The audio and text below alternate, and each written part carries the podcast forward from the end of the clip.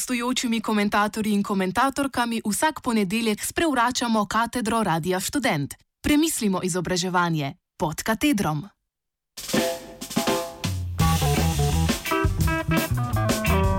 Princ modre.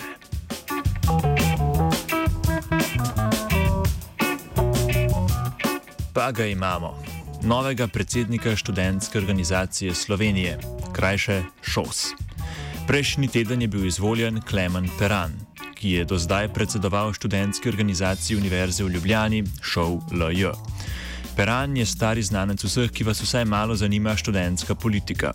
ŠOV LJ je predsedoval nekaj več kot dve leti, še predtem je predsedoval Dijaški organizaciji Slovenije in še prej tudi otroškemu parlamentu, osnovnošolski organizaciji pretežno analogni šosu.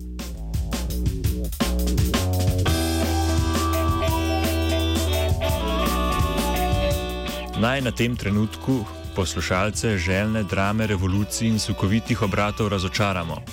Vsi indici kažejo, da Peranovo predsedovanje ne bo prineslo drastičnih sprememb glede na njegovega predhodnika Jako Trilarja. Lansko leto, mandat predsednika Šos je zgolj enoleten, smo se ob približno podobnem času spraševali o Trilarjevi agendi. Takrat nam je Trilar povedal, da si poleg izboljšave dela šosa interno želi predvsem povečati transparentnost delovanja ter avtonomijo študentskega samoorganiziranja.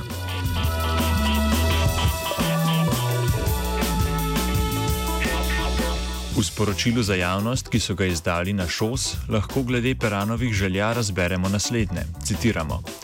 Nov predsednik se bo še naprej zauzemal, da ŠOS ostane nacionalno stičišče študentskega predstavništva v Sloveniji. Meni, da je glavna naloga ŠOS spremljati in braniti položaje študentk in študentov na izobraževalnem, socialnem, zdravstvenem in drugih področjih. Šos mora biti zato v prvi, v prvi vrsti borbe za študentske pravice, pri tem pa delovati transparentno, demokratično in avtonomno. Želi nadgrajevati kakovost delovanja, hkrati pa se zoprstaviti težnjam, da se šos in njene organizacijske oblike podredijo volji državne oblasti. Konec citata.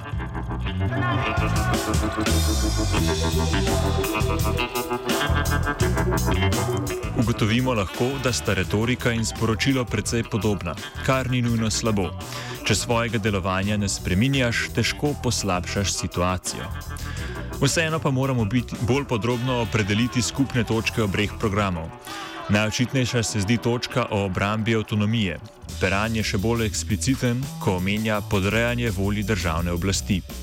Lahko, sklepamo lahko, da gre pri obeh primerjih za navezovanje na predloge novele zakona o skupnosti študentov, ki določa oziroma ne določa subjektiviteto študentskih organizacij. Že lansko leto, pa tudi prej, smo poročali o sporu glede novele zakona. Študentska iskra namreč trdi, da, da je kot prejemnica javnih sredstev in po sklepu sodb ŠOS oseba javnega prava medtem ko pri ŠOS trdijo, da so oseba zasebnega prava oziroma nekakšen sui generis. Argument ŠOS-a je, da bi bili kot oseba javnega prava podrejeni volji države, pri iskri pa trdijo, da bi s tem omogočili javni nadzor nad porabo sredstev in zakonitostjo delovanja.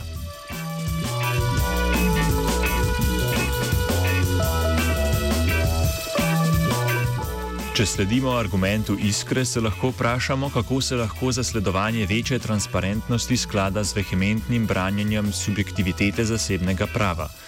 Pri Šosu so na podobne očitke odgovarjali že v preteklosti, rekoč, da s tem, ko se zavezajo sledenju specifičnih zakonov, recimo zakona o javnem naročanju, sami poskrbijo, da ostaja transparenten v pogledu delovanje samo. Glede na unikatno situacijo pa še vedno ni popolnoma jasno, kaj so odgovornosti šosa in kdo bdi nad njimi, kar so v preteklosti opazili tako pri računskem sodišču, kot tudi pri Komisiji za preprečevanje korupcije.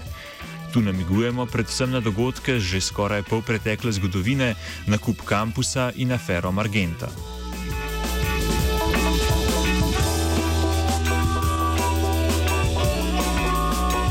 Na spletni strani Šosa se pod Peranovo agendo omenja tudi demokratičnost delovanja. Svoj vrsten problem tu predstavlja dejstvo, da študente na državni ravni predstavljajo predstavniki, ki jih študentje izvolimo na volitvah posameznih študentskih organizacij. Letošnje volitve v študentski zbor ŠOLJ so bile, kar se demokratičnosti tiče, katastrofalne.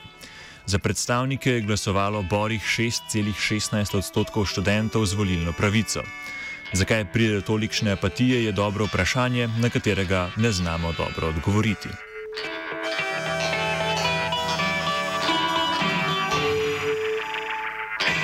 Najverjetneje bi bilo nepošteno, če bi krivdo naprtili samo šosu. Slovenski, Slovenci tudi na državno-zborskih volitvah nismo kaj prida aktivni in dejstvo, da šos operira z večmilijonskimi zneski, nekaterih študentov očitno pač ne zgane k aktivaciji in zanimanju. Zanimivo pa bo spremljati, kakšne korake v smeri boja proti apatiji in pasivnosti študentov bo sprejemal šos pod Peranovim vodstvom. Priložnost za takšno akcijo je trenutno dobra. Lani so študentje Mariborske univerze s svojim glasovanjem preglasovali zaposlene na univerzi pri rektorskih volitvah, če tudi je bila tudi tam udeležba relativno slaba.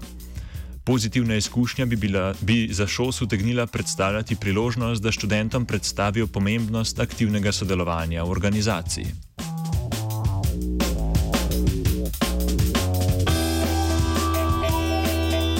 Kar se tiče samega delovanja organov šosa, moramo opozoriti na Peranovo osebno zgodovino.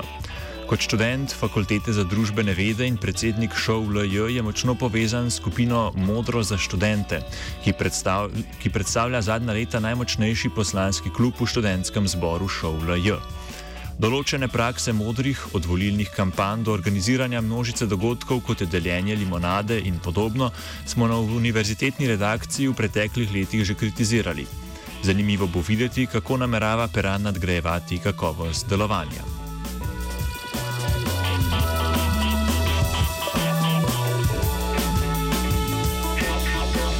Na koncu naj omenimo dva izziva, ki čakata Perana v novem mandatu. Omenijo ju tudi pri Šosovi izjavi za javnost. Prvič, v bližnji prihodnosti nas najverjetneje čaka novela zakona o visokem šolstvu ali vsaj nekakšna druga reforma visokega šolstva, kar je minister Pikalo nakazal že na sejah pred svojim imenovanjem.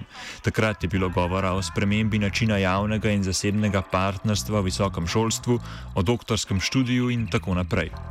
Šosova naloga bo, glede na slabe izkušnje s preteklimi zakoni o visokem šolstvu, da se postavi proti vladi, kar glede na trenutno visoko podporo Šarcu in relativno trdnost koalicije ne bo nujno lahka naloga.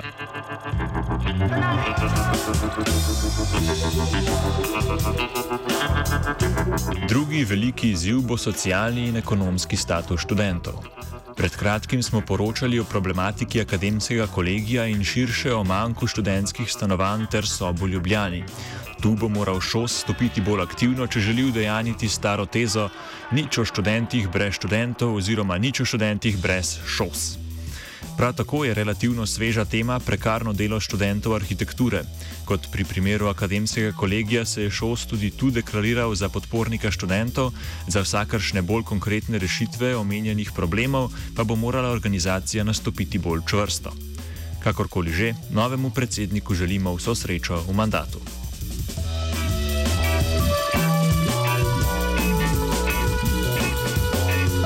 Pod katedrom komentira Matija.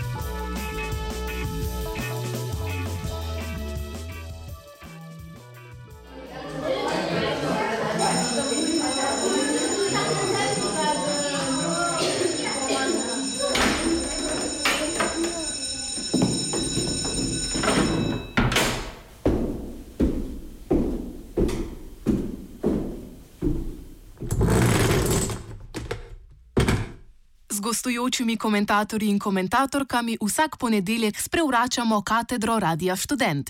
Premislimo izobraževanje pod katedrom.